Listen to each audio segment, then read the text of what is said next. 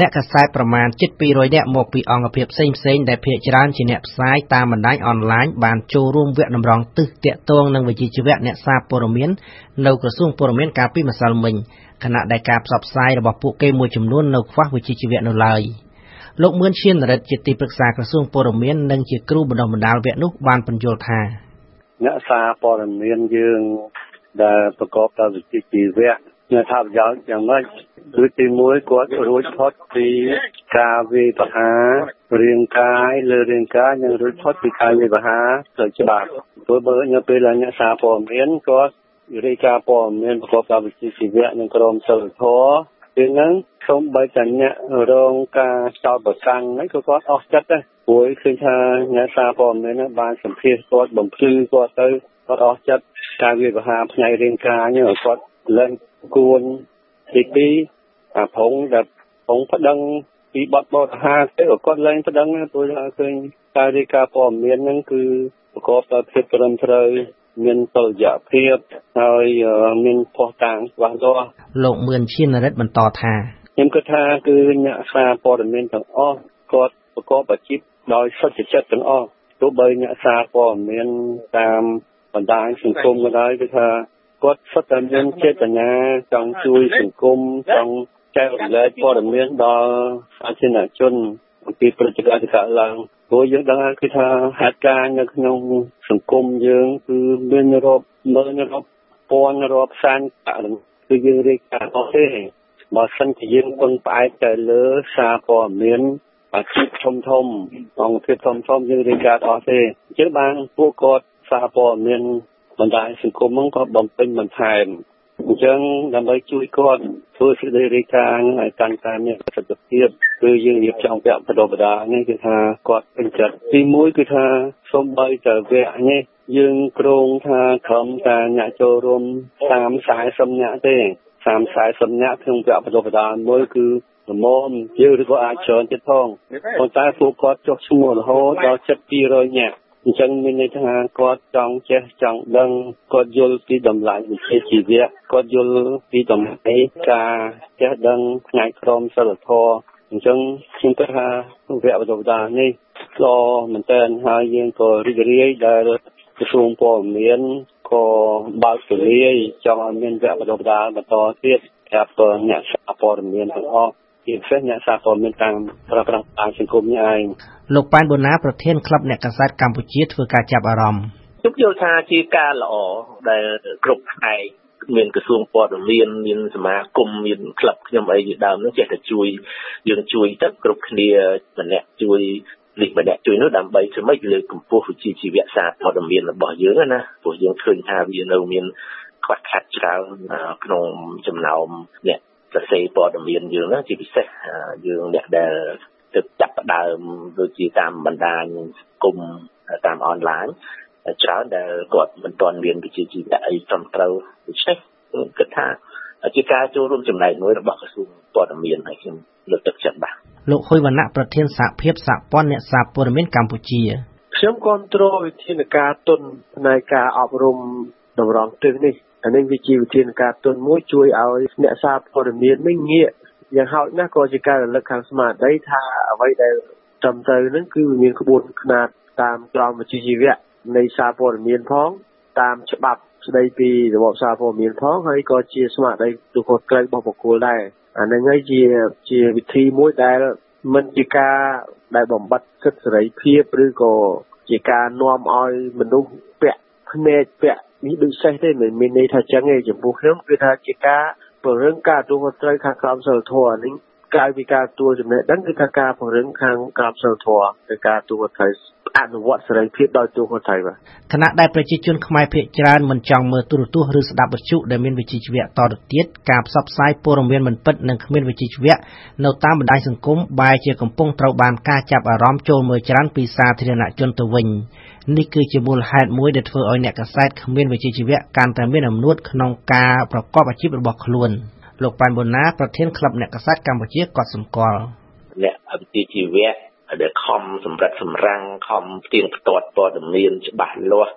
មិនទៅសេអ្វីប្រទេសប្រដាស់ទូទៅយើងទទួលបានការមើលការចូលអាន like share ឬ comment នឹងវាតិចជាងអ្នកដែលគាត់កាប់ដាវគឺ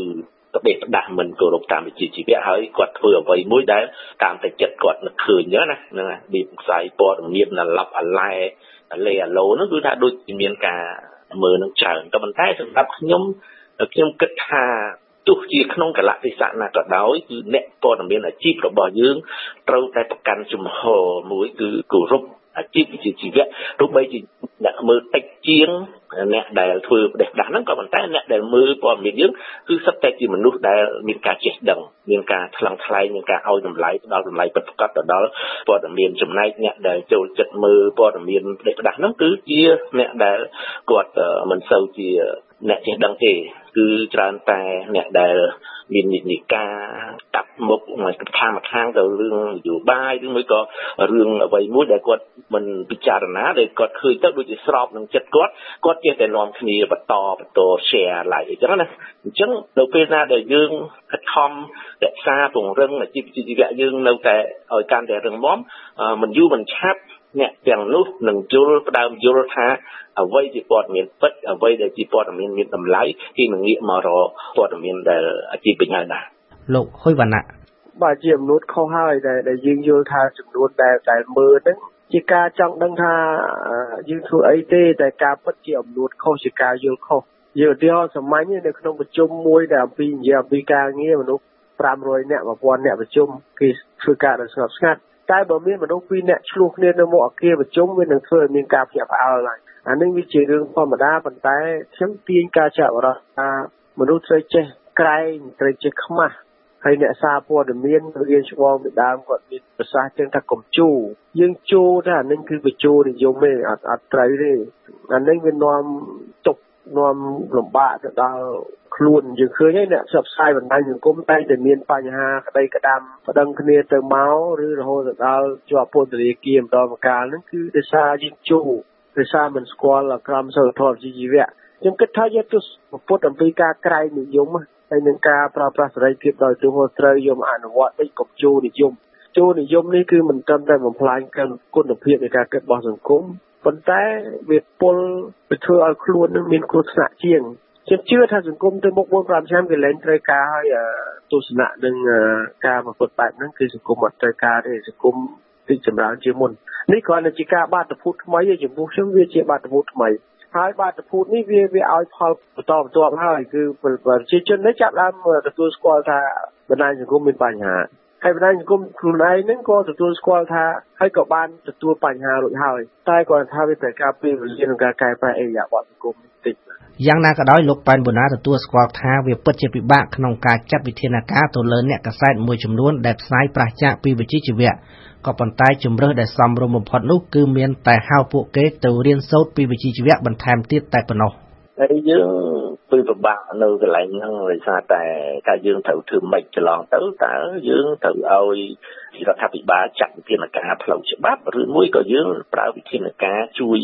អប់រំបណ្ដុះបណ្ដាលដូច្នេះខ្ញុំឃើញថាការចាប់ផ្ដើមជួយផ្នែកបណ្ដុះបណ្ដាលពង្រឹងវិជ្ជាជីវៈនេះគឺជាមូលដ្ឋានគ្រឹះមួយដែលសង្ឃឹមថា អ្នកដែលបានយល់ដឹងរៀនសូត្រពីជំនាញនីតិជីវៈហ្នឹងទៅយ៉ាងហោចណាស់ក៏នៅពេលដែលគាត់ធ្វើកិច្ចការអ្វីមួយគាត់គិតថាអូជីវៈនោះគេអត់ឲ្យធ្វើចេះទេចេះបានត្រូវចេះបានខុសអញ្ចឹងណាអញ្ចឹងវាជាជំនួយស្មារតីមួយដើម្បីតម្រង់ទិស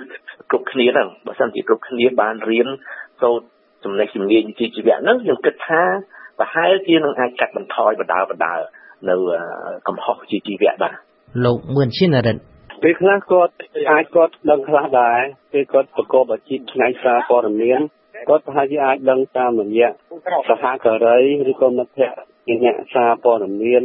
ដែលជួយបញ្យល់គាត់ថាតើសារព័ត៌មានវិទ្យាសាស្ត្រទៅធ្វើមិនអីយ៉ាងម៉េចប៉ុន្តែបញ្ហាសំខាន់គឺ